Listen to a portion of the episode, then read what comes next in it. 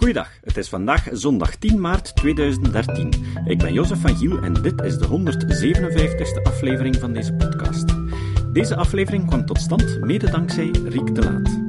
De muziek is van Nick Lucassen en de website is ontworpen door Emiel Dingemans. Vandaag bespreken we. Ik was helemaal fout om tegen GGO's te zijn. In deze aflevering horen jullie een voordracht van Mark Linus aan het begin van de Oxford Farming Conference op 3 januari 2013. Mark Linus is een milieuactivist die onlangs een aantal voor de Groenen zeer controversiële standpunten innam. Hij pleitte vorig jaar voor meer nucleaire installaties in de strijd tegen de CO2. Op de conferentie waaruit dit stuk komt, legt hij zijn gewijzigde standpunt voor in verband met genetisch gewijzigde organismen. Dat laatste is op zich al opmerkelijk, omdat, als je op dit moment tegen genetisch gewijzigde organismen bent, de kans groot is dat je die mening toegedaan bent door het activisme van Mark Linus zelf. Hij was een van de belangrijkste anti-GGO-activisten in de jaren 90. Rick de Laat vertaalde weerom de tekst. Ik wil beginnen met wat excuses. Ik excuseer me voor het jarenlang vernielen van genetisch gemodificeerde gewassen.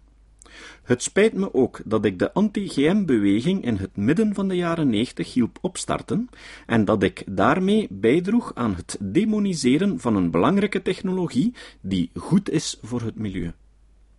Als milieuactivist en iemand die gelooft dat iedereen in deze wereld recht heeft op een gezond en voedzaam dieet van zijn keuze, was er geen productiever pad dan wat ik koos. Ik betreur dat nu. Misschien zal je je afvragen wat er gebeurde tussen 1995 en nu dat ik niet alleen van idee ben veranderd, maar dat ik dat hier ook kom toegeven. Het antwoord is vrij eenvoudig. Ik ontdekte de wetenschap en daardoor hoop ik een betere milieuactivist te worden. Toen ik voor het eerst over Monsanto's genetisch gemodificeerde soja hoorde, hoefde ik niet verder te denken. Hier had je een grote Amerikaanse onderneming met een slechte reputatie. Ze staken iets nieuws en experimenteels in ons voedsel zonder het ons te vertellen.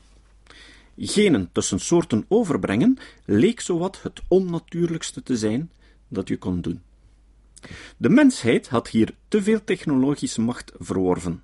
Dat moest uiteindelijk vreselijk misgaan. Deze genen zouden zich als een soort levende vervuiling gaan verspreiden. Een nachtmerrie. Deze angsten verspreidden zich als wildvuur en binnen een paar jaar was GM verboden in Europa. Onze zorgen werden door NGO's als Greenpeace en Vrienden van de Aarde naar Afrika, India en de rest van Azië geëxporteerd, waar GM vandaag de dag nog steeds verboden zijn. Dit was de meest succesvolle campagne waar ik ooit bij betrokken was. Dit was ook nadrukkelijk een anti-wetenschappelijke beweging. We hanteerden zeer veel beeldspraak over wetenschappers die in hun laboratoria demonisch zaten te kakelen terwijl ze sleutelden aan de bouwstenen van het leven zelf. Vandaar dat Frankenstein-voedsel-etiket. Het ging over diepgewortelde angsten van wetenschappelijk kunnen dat in het geheim gebruikt werd voor onnatuurlijke doeleinden. Wat we op dat moment niet beseften, was dat het echte monster van Frankenstein niet de GM-technologie was, maar wel onze reactie ertegen. Voor mij botste deze antiwetenschappelijke milieubezorgdheid steeds meer met mijn pro-wetenschappelijke milieubezorgdheid over klimaatverandering. In 2004 publiceerde ik mijn eerste boek over de opwarming van de aarde. Ik was vastbesloten om het wetenschappelijk geloofwaardig te maken, in plaats van een verzameling losse anekdotes. Daarvoor moest ik het verhaal van mijn reis naar Alaska staven met satellietgegevens over zeeijs en moest ik mijn foto's van verdwijnende gletsjers in de Andes rechtvaardigen met lange termijn gegevens van de massabalans van de gletsjers. Dat betekende dat ik moest leren hoe je wetenschappelijke artikelen moet lezen, elementaire statistiek begrijpen en onderlegd worden op allerlei gebieden van oceanografie tot paleoklimaat. Mijn diploma in de politiek en de moderne geschiedenis was daarbij geen grote hulp. Ik merkte dat ik voortdurend ruziede met mensen die ik als onverbeterlijk antiwetenschappelijk beschouwde, omdat ze niet luisterden naar de klimatologen en de wetenschappelijke realiteit van de klimaatverandering ontkenden. Ik onderwees hen over de waarde van peer review, over het belang van wetenschappelijke consensus en hoe de enige feiten die telden, degene waren die gepubliceerd werden in de meest vooraanstaande wetenschappelijke tijdschriften. Mijn tweede klimaatboek, Six Degrees was zelfs zo wetenschappelijk dat het de Royal Society Wetenschapsboekprijs won. Klimaatwetenschappers waarmee ik bevriend was, grapten dat ik meer over het onderwerp afwist dan zij. En toch, geloof het of niet, pende ik in 2008 nog steeds in The Guardian aanvallen op de GM-wetenschap. Ook al had ik geen wetenschappelijk onderzoek over het onderwerp gedaan en had ik er maar een vrij beperkt inzicht in. Ik denk dat ik zelfs toen nog nooit een peer-reviewed artikel over biotechnologie of plantenwetenschap had gelezen. Uiteraard was deze tegenstelling onhoudbaar. Wat me echt van koers deed veranderen, waren enkele commentaren onder mijn laatste anti-GM-artikel in The Guardian. In het bijzonder zei een criticus tegen mij: Je bent tegen GM omdat het op de markt wordt gebracht door grote bedrijven. Ben je ook tegen het wiel, omdat de grote autobedrijven het verkopen? Ik begon er wat over te lezen. Ik ontdekte dat al mijn gekoesterde overtuigingen over GM weinig meer bleken dan groene broodje-aap-verhalen. Ik veronderstelde dat ze het gebruik van chemicaliën zouden doen toenemen, maar resistent katoen en maïs hadden minder insecticiden nodig. Ik ging ervan uit dat GM alleen de grootste bedrijven ten goede kwam, het bleek dat het miljarden dollars aan voor landbouwers die minder hoefden uit te geven. Ik had verondersteld dat die Terminator-technologie boeren zou beroven van het recht om zaad op te slaan. Het bleek dat dat met hybriden al lang zo ging en dat Terminator nooit gebeurde. Ik dacht dat niemand GGM's wilde, wat er echt gebeurde, was dat BT-katoen illegaal in India terechtkwam, evenals Roundup Ready soja in Brazilië, omdat boeren het zo graag wilden. Ook dacht ik dat GM gevaarlijk was. Het bleek veiliger en preciezer dan conventionele veredeling door mutagenese. GM brengt slechts een paar genen over, terwijl conventionele veredeling het hele genoom overhoop haalt door een proces van gissen en missen. Maar hoe zit het met het mengen van genen tussen niet-verwante soorten? De vis en de tomaat. Het blijkt dat virussen dit voortdurend doen, evenals planten, insecten en zelfs wij, het heet genenoverdracht. Dit was nog steeds maar het begin. In mijn derde boek, The God Species, gooide ik van bij het begin alle milieuactivist-orthodoxie overboord en probeerde ik naar het grotere plaatje op planetaire schaal te kijken. Dit is de uitdaging waarmee we vandaag worden geconfronteerd.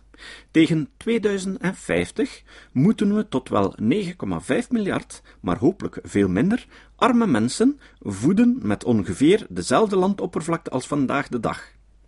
En dat met een beperkte hoeveelheid meststoffen, water, pesticiden en in een kader van een snel veranderend klimaat. Laten we dat even verduidelijken. Vorig jaar ging het in deze conferentie over de bevolkingsgroei. Dit thema wordt ook geplaagd door mythen. Mensen denken dat een hoge mate van vruchtbaarheid in de ontwikkelingslanden het grote probleem is. Met andere woorden, arme mensen hebben te veel kinderen en daarom hebben we ofwel gezinsplanning of zelfs iets drastischer als massaal één-kindbeleid nodig. De realiteit is dat de wereldwijde gemiddelde vruchtbaarheid ongeveer 2,5 is. Als je bedenkt dat natuurlijke vervanging gelijk is aan 2,2, zit die 2,5 er niet veel boven. Waar komt dan de enorme aangroei van de bevolking vandaan? Van de dalende kindersterfte.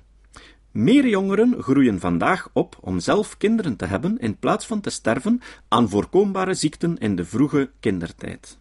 De snelle daling van de kindersterfte is een van de beste nieuwsverhalen van de laatste tien jaar, en dat succesverhaal situeert zich vooral in Afrika, bezuiden de Sahara.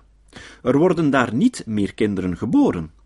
In de woorden van Hans Rosling zitten we al op piekkind. Vandaag leven er ongeveer 2 miljard kinderen en er zullen er nooit meer zijn als gevolg van de dalende vruchtbaarheid. Maar veel meer van deze 2 miljard kinderen zullen vandaag overleven tot volwassenheid om zelf kinderen te krijgen.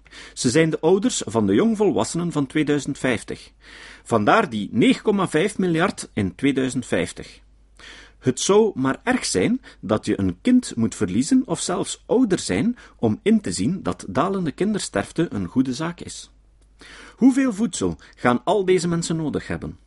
Volgens de laatste prognose, vorig jaar gepubliceerd in de Proceedings van de National Academy of Science, gaat de wereldwijde vraag halverwege deze eeuw toenemen met ruim 100%. Dit is bijna geheel de BBP-groei, vooral in ontwikkelingslanden. We moeten niet alleen meer voedsel produceren om gelijke tred te houden met de groeiende bevolking, maar ook om de armoede geleidelijk aan uit te roeien. Vandaag de dag gaan nog steeds bijna 80 miljoen mensen elke nacht met honger naar bed. En ik daag iedereen in een rijk land uit om te zeggen dat deze groei van het BBP in arme landen een slechte zaak is. Maar door deze groei moeten we zeer ernstige milieuuitdagingen aanpakken. Landconversie is een grote bron van broeikasgassen en misschien wel de grootste oorzaak van het verlies aan biodiversiteit. Daarom ook is intensiviering van essentieel belang. Moeten we meer voedsel gaan telen op minder grond, om zo regenwouden en de resistente natuurlijke leefomgeving te beschermen tegen de ploeg. We hebben ook te maken met beperkte watervoorraden, niet alleen door uitputting van de wateraders, maar ook door droogtes die we met toenemende intensiteit kunnen verwachten in de agrarische centra van continenten door de klimaatsverandering. Als we meer water uit de rivieren halen, versnellen we het verlies aan biodiversiteit in deze kwetsbare habitats. We moeten ook het gebruik van stikstof beter gaan beheren. Kunstmest is essentieel om de mensheid te voeden. Maar het inefficiënte gebruik zorgt voor dode zones in de Golf van Mexico en in veel kustgebieden over de hele wereld, evenals eutrofiëring in zoetwaterecosystemen. Achteroverleunen in de hoop dat technologische innovatie onze problemen zal oplossen, gaat niet helpen. Meer daadkracht en strategische aanpak zal nodig zijn. We moeten ervoor zorgen dat technologische innovatie veel sneller en in de juiste richting vooruitgaat voor degenen die het het meest nodig hebben. In zekere zin is dit allemaal déjà vu. Toen Paul Ehrlich in 1968 de Population Bomb publiceerde, schreef hij de strijd om de hele mensheid te voeden is mislukt. In de jaren 1970 zullen honderden miljoenen mensen verhongeren, ondanks de haastprogramma's waar we nu mee begonnen zijn. Het advies was duidelijk. In armtierige landen als India konden mensen net zo goed vroeger sterven dan later. Je kon ze beter voedselhulp weigeren om de bevolkingsgroei in te perken. Het was niet voorbestemd dat Ehrlich ernaast zou zitten. In feite zouden, als iedereen zijn advies had opgevolgd, honderden miljoenen mensen onnodig zijn gestorven. Ondervoeding werd drastisch aangepakt en India werd zelfvoorzienend qua voedsel dankzij Norman Borlaug's en zijn groene revolutie. Het is belangrijk eraan te herinneren dat Borlaug even bezorgd als Ehrlich was over de bevolkingsaangroei. Maar hij dacht dat het het proberen waard was om er iets aan te doen. Hij was een pragmaticus, omdat hij geloofde in het doen van wat mogelijk was. Maar hij was ook een idealist, omdat hij geloofde dat mensen het overal verdienden om genoeg eten te hebben. Wat deed Norman Borlaug dan? Hij wendde zich tot wetenschap en technologie. Mensen zijn een werktuigmakende soort. Van kleding tot ploegen is technologie dat wat ons vooral onderscheidt van andere apen. Een groot deel van dit werk was gericht op het genoom van grote gedomesticeerde gewassen. Als tarwe, bijvoorbeeld, korter kon worden en meer energie in zaadproductie zou steken in plaats van in langere stengels, dan zou de opbrengst verbeteren en graanverlies door omvallen zou worden geminimaliseerd. Voordat Borlaug in 2009 overleed, voerde hij vele jaren campagne tegen degenen die om politieke en ideologische redenen tegen moderne innovatie in de landbouw waren. Ik citeer Als de nee-zeggers erin slagen om biotechnologie in de landbouw af te remmen, zullen ze eigenlijk de hongersnoden en de crisis van de mondiale biodiversiteit, die ze al bijna 40 jaar voorspellen, veroorzaken. Dankzij de zogenaamde milieucampagnes, verspreid door welvarende landen, zitten we nu gevaarlijk dicht bij deze toestand. Biotechnologie is niet afgestopt, maar wel haast onbetaalbaar geworden voor iedereen behalve de allergrootste bedrijven. Het kost nu tientallen miljoenen om een gewas door de reguliere systemen in verschillende landen te sluizen.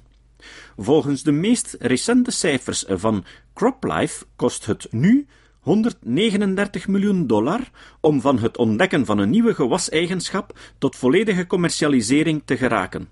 Open source of publieke sector biotech hebben geen schijn van kans.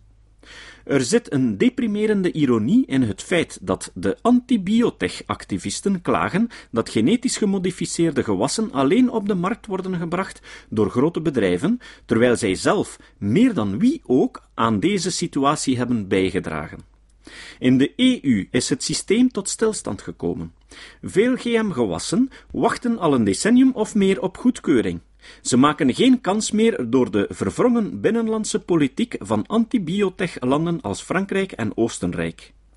Over de hele wereld heeft de regelgeving nu meer dan 5,5 jaar vertraging opgelopen, tegen 3,7 jaar in 2002. De bureaucratische last wordt steeds erger. Herinner je dat Frankrijk lang geweigerd heeft om de aardappel te accepteren, omdat het Amerikaanse import was? Zoals een commentator het onlangs stelde, staat Europa op het punt een levensmiddelenmuseum te worden. Wij, weldoorvoede consumenten, zijn verblind door de romantische nostalgie naar de traditionele landbouw van het verleden. Omdat we genoeg te eten hebben, kunnen we het ons veroorloven om ons te vermeien in onze esthetische illusies. Maar op hetzelfde moment stagneert voor veel belangrijke voedselgewassen de groei van de opbrengst wereldwijd, zoals een pas vorige maand gepubliceerd onderzoek door Jonathan Foley en anderen in het tijdschrift Nature Communications aantoonde. Als we de opbrengstgroei niet terug op de rails krijgen, gaan we inderdaad problemen hebben om de bevolkingsaangroei en de daaruit voortvloeiende vraag bij te houden. Prijzen zullen de pan uitreizen als meer natuurgebied naar landbouw wordt omgezet. Ik citeer weer Norman Borlaug. Ik zeg nu dat de wereld de technologie heeft, ofwel beschikbaar in een vergevorderd stadium in de onderzoekslijn, om een bevolking van 10 miljard mensen op duurzame basis te voeden.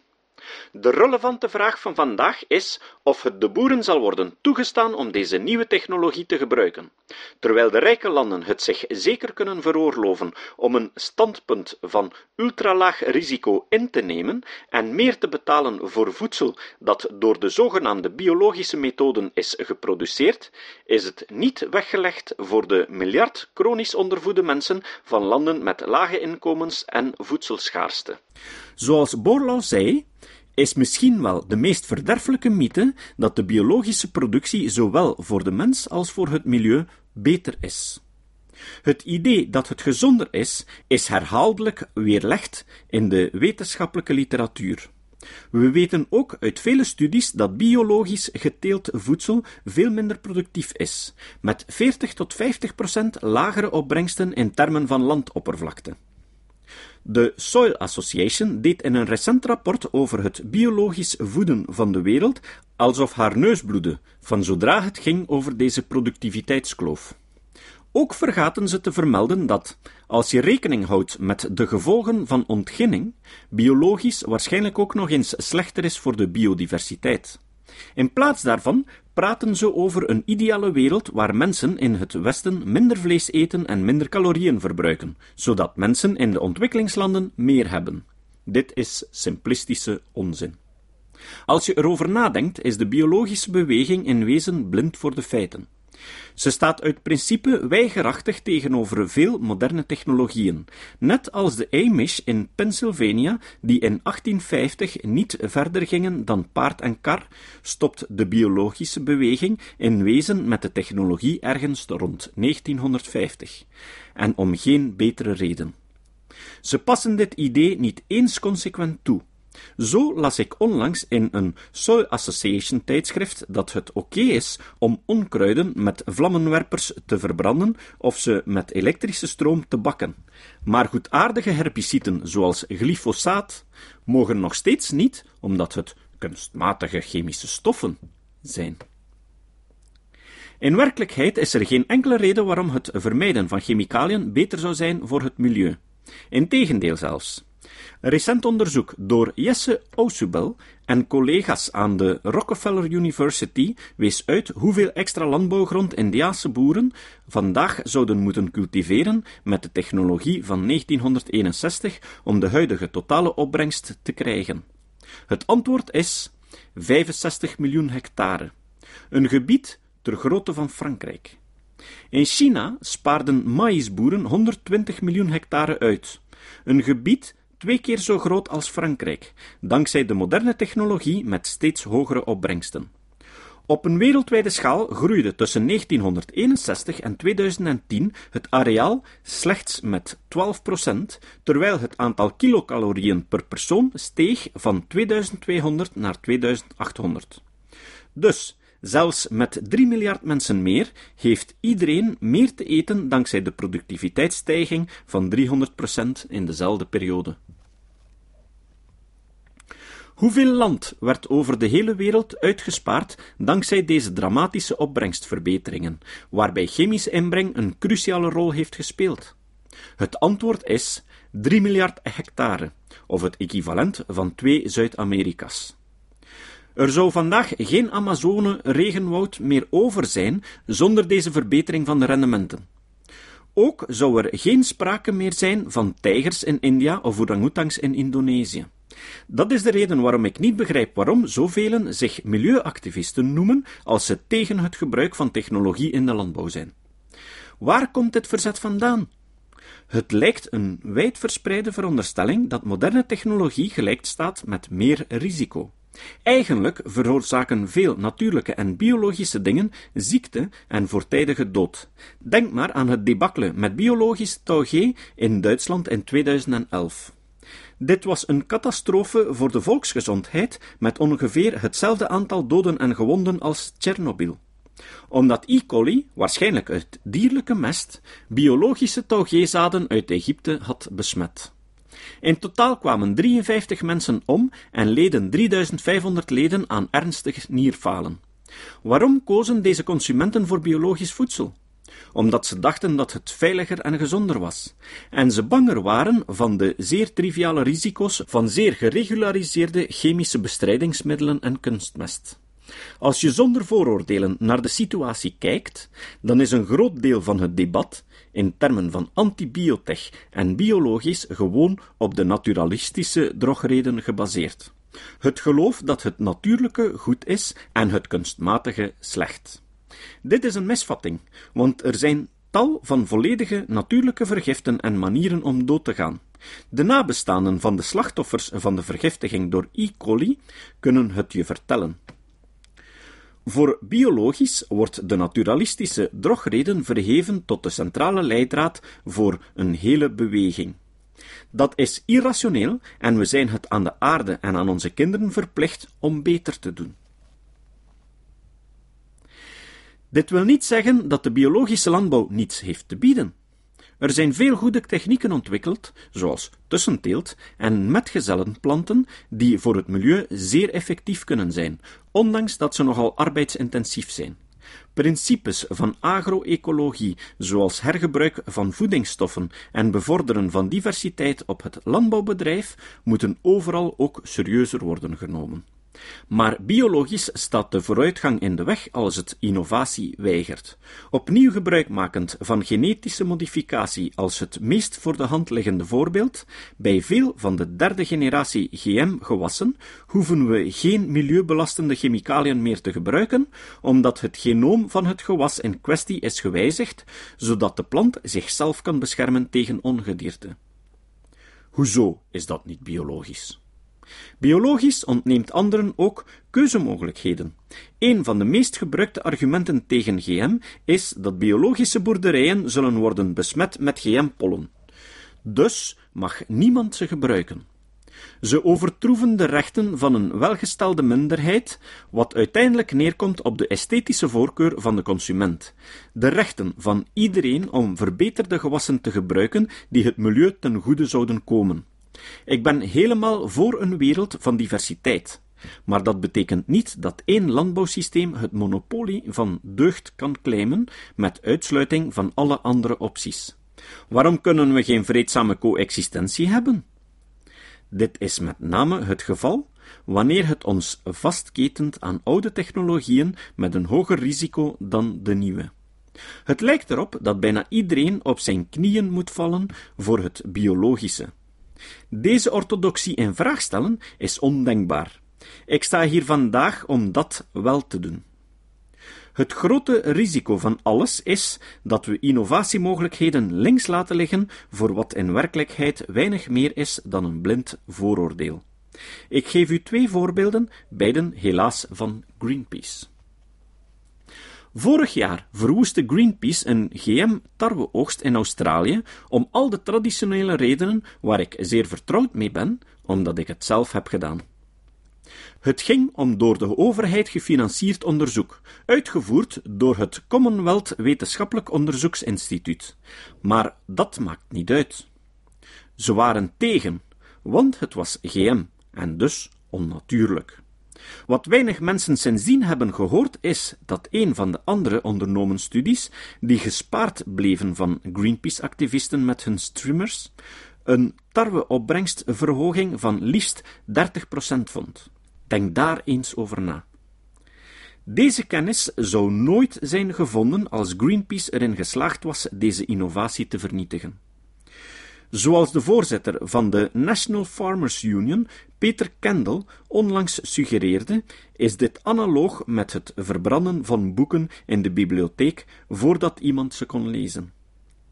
Het tweede voorbeeld komt uit China, waar Greenpeace erin slaagde om paniek in de nationale media te veroorzaken door te beweren dat een twintigtal kinderen werden gebruikt als menselijke proefkonijnen bij een test van genetisch gemodificeerde gouden rijst. Ze hielden er geen rekening mee dat deze rijst gezonder was en elk jaar duizenden kinderen kon redden van aan vitamine A tekort gerelateerde blindheid en dood. De drie Chinese wetenschappers, genoemd in het persbericht van Greenpeace, werden openbaar aan de kaak gesteld, zijn hun baan kwijt en lopen ernstig persoonlijk risico in een autocratisch land als China omdat gouden rijst internationaal door de overregulering al meer dan een decennium wordt tegengehouden en dankzij de activiteiten van groepen als Greenpeace nooit beschikbaar komt voor arme mensen met een vitaminetekort. Dit is, naar mijn mening, immoreel en onmenselijk. Het is armen iets onthouden wat hen en hun kinderen zou helpen op basis van de esthetische voorkeuren van rijke mensen ver weg die geen gevaar lopen op vitamine A tekort. Greenpeace is een multinational van 100 miljoen dollar per jaar en heeft als zodanig morele verantwoordelijkheden, net als elke andere grote onderneming. Het feit dat gouden rijst in de publieke sector werd ontwikkeld voor het algemeen nut, snijdt geen hout bij de antis. Neem Rothamsted Research. Vorig jaar begon Rothamsted onderzoek naar een bladluisresistente GM-tarwe die geen pesticiden zou nodig hebben om deze ernstige plaag te bestrijden. Omdat het GM is, waren de antis vastbesloten om het te vernietigen. Zij slaagden er niet in door de moed van professor John Pickett en zijn team, die op YouTube en de media uitlegden waarom hun onderzoek ertoe deed en niet zou mogen vernietigd worden. Ze verzamelden met een petitie duizenden handtekeningen, terwijl de antis er maar een paar honderden konden bijeenkrijgen. De poging tot vernietiging liep af met een sisser. Een indringer slaagde er wel in om over het hek te kruipen. Het perfecte stereotype van de anti-GM-demonstrant, een oude aristocraat van Eton, wiens kleurrijk verleden onze lokale markies van Blandford in Oxford wel een model van verantwoordelijk burgerschap laat lijken. Deze hooggeboren activist strooide biologische tarwezaden uit op de onderzoekslocatie in wat vermoedelijk een symbolische verklaring van natuurlijkheid moest zijn. Professor Pickett's team vertelde me dat ze een zeer low-tech oplossing hadden om ze te verwijderen. Een kruimeldief. Dit jaar werkt Rothamsted naast de herhaling van het tarwe-experiment aan omega-3 oliehoudende zaden die wilde vis in de voeding kunnen vervangen bij de zalmkweek. Dit kan helpen tegen overbevissing door landbouwstoffen te gebruiken in de aquacultuur. Ja, het is GM, dus verwacht maar dat de antis er tegen zullen zijn, ondanks de duidelijke potentiële voordelen voor het milieu in termen van de marine biodiversiteit. Ik weet niet hoe het met jullie zit, maar ik heb er genoeg van. Mijn conclusie is zeer duidelijk. Het GM-debat is voorbij. Het is volbracht. We hoeven er ons niet langer over te bekommeren of het veilig is. Meer dan 15 jaar en 3 biljoen GM-maaltijden later is er nooit één enkel onderbouwd geval van schade gevonden. Je hebt meer kans om geraakt te worden door een asteroïde dan gewond te raken door genetisch gemodificeerd voedsel. Mensen zijn overleden aan biologisch voedsel, maar niemand door het eten van genetisch gemodificeerd voedsel. Net zoals ik tien jaar geleden, beweren Greenpeace en de Soil Association dat ze zich laten leiden door de wetenschappelijke consensus, zoals bij de klimaatverandering. Maar voor GM bestaat er een rotsvaste wetenschappelijke consensus, gesteund door de Amerikaanse Vereniging ter Bevordering van de Wetenschap, de Royal Society, de gezondheidsinstituten en de nationale wetenschappelijke academies over de hele wereld. Toch wordt deze gemakkelijke waarheid genegeerd, omdat ze in strijd is met hun ideologie. Een laatste voorbeeld is het trieste verhaal van de GM-plaagresistente aardappel. Deze werd ontwikkeld door zowel het Sainsbury Lab en TIGASC, een door de overheid gefinancierd instituut in Ierland. Maar de Ierse Groene Partij, waarvan de leider vaak deze conferentie bezoekt, was er zo tegen dat ze er zelfs een rechtszaak tegen begonnen. Dit ondanks het feit dat de ziekteresistente aardappel de boeren 15 fungicide besproeiingen per seizoen zou besparen, dat pollenoverdracht geen probleem was omdat aardappelen klonaal worden voortgeplant en dat het gevraagde gen van een wilde verwant van de aardappel kwam. Hetzelfde verhaal hebben we trouwens aan de Universiteit van Gent gekend. Een plaagresistente aardappel die ontwikkeld werd in Ierland zou een leuke historische resonantie zijn geweest, gezien het miljoen of meer mensen die ten gevolge van de aardappelhongersnood stierven in het midden van de 19e eeuw. Het zou prachtig zijn geweest als net in Ierland bacterievuur verslagen werd, maar dankzij de Ierse Groene Partij heeft dit niet mogen zijn. En helaas hebben de antis nu de bureaucratie aan hun kant. Wales en Schotland zijn officieel GM-vrij, omdat middeleeuws bijgeloof door de sociale overheid voor wetenschap wordt aangenomen. Helaas horen we hetzelfde in grote delen van Afrika en Azië. India verwierp de BT-aubergine. Ook al zou het, het insecticideverbruik op het veld terugdringen en de residuen ervan op de vrucht verminderen. De regering in India raakt steeds meer in de ban van op het verleden georiënteerde ideologieën, zoals Vandana Shiva, die de pre-industriële dorpslandbouw idealiseren, ondanks het historische feit dat het een strijd van voortdurende hongersnoden en structurele onzekerheid was. In Afrika is geen GM nog steeds het motto voor veel regeringen. Kenia bijvoorbeeld verbood genetisch gemodificeerd voedsel als gevolg van veronderstelde gezondheidsrisico's, ondanks het feit dat ze de alomtegenwoordige ondervoeding kan helpen verminderen. Ondervoeding is trouwens een bewezen risico voor de gezondheid. Daar moet je geen onderzoek voor doen. Als je in Kenia een GM-gewas ontwikkelt dat een betere voeding voor een hogere opbrengst voor armere boeren verzekert, vlieg je voor tien jaar achter de tralies. Zo wordt broodnodige agrarische innovatie gewurgd door een verstikkende lawine van voorschriften die niet zijn gebaseerd op een rationele wetenschappelijke risico-evaluatie. Het risico van vandaag is niet dat iemand zal worden geschaad door genetisch gemodificeerd voedsel, maar dat miljoenen zullen worden geschaad door een tekort aan voedsel, omdat een luidruchtige minderheid in rijke landen zogenaamd natuurlijke maaltijden wil. Ik hoop dat het zal veranderen.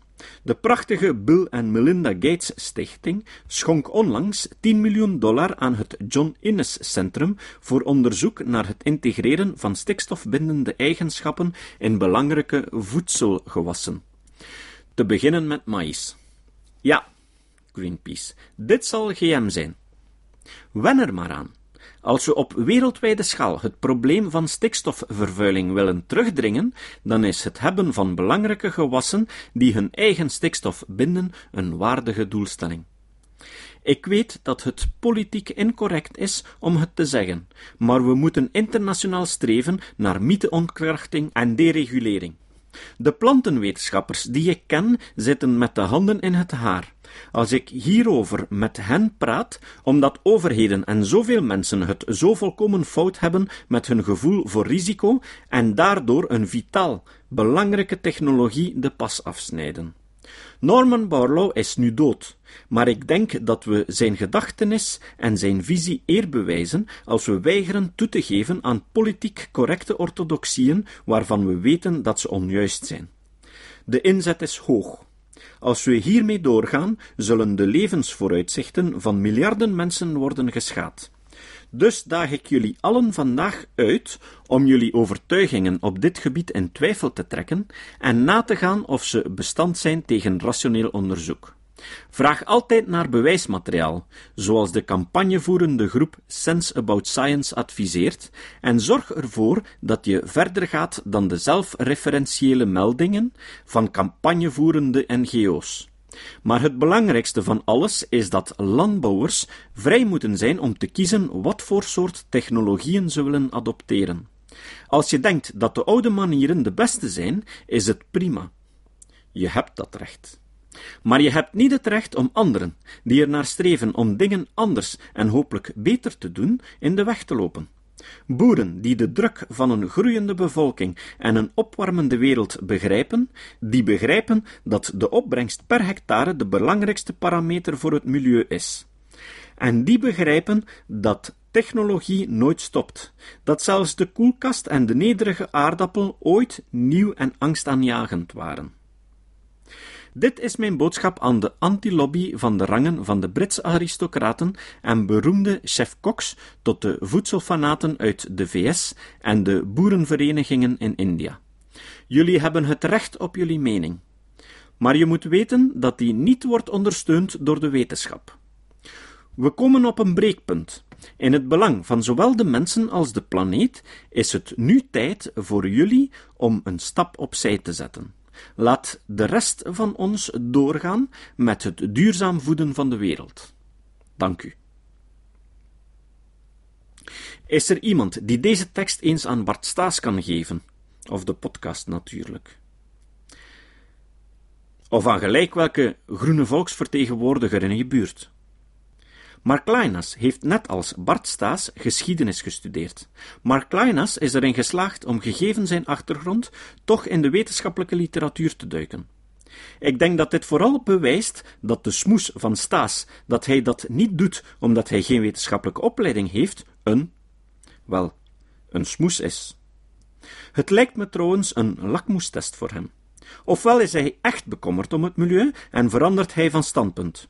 Ofwel heeft hij wetenschappelijk onderbouwde argumenten om dit te weerleggen, ofwel is hij een arrogante ideoloog en kan je beter niet op groen stemmen als je echt om het milieu geeft. Het citaat. Het citaat van vandaag komt van Albert Einstein. Albert Einstein zei: Een wetenschapper is een kruidje roer me niet. Wanneer hij zelf een fout heeft gemaakt, en een brullende leeuw wanneer hij een fout bij anderen ontdekt. Tot de volgende keer. Dit was de podcast Kritisch Denken. Vergeet niet om alles kritisch te behandelen, ook deze podcast. Voor verdere informatie over deze podcast, links en voor de tekst, surf naar www.kritischdenken.info. Als je deze podcast belangrijk vindt, kun je me steunen door anderen warm te maken ook eens te luisteren. Stuur een e-mail naar vrienden met een link naar de website en plaats de link in de handtekening van je e-mails. Tevens kun je op iTunes deze podcast een beoordeling geven of een recensie schrijven. Of je kan op je eigen website of blog een link naar kritisch denken plaatsen.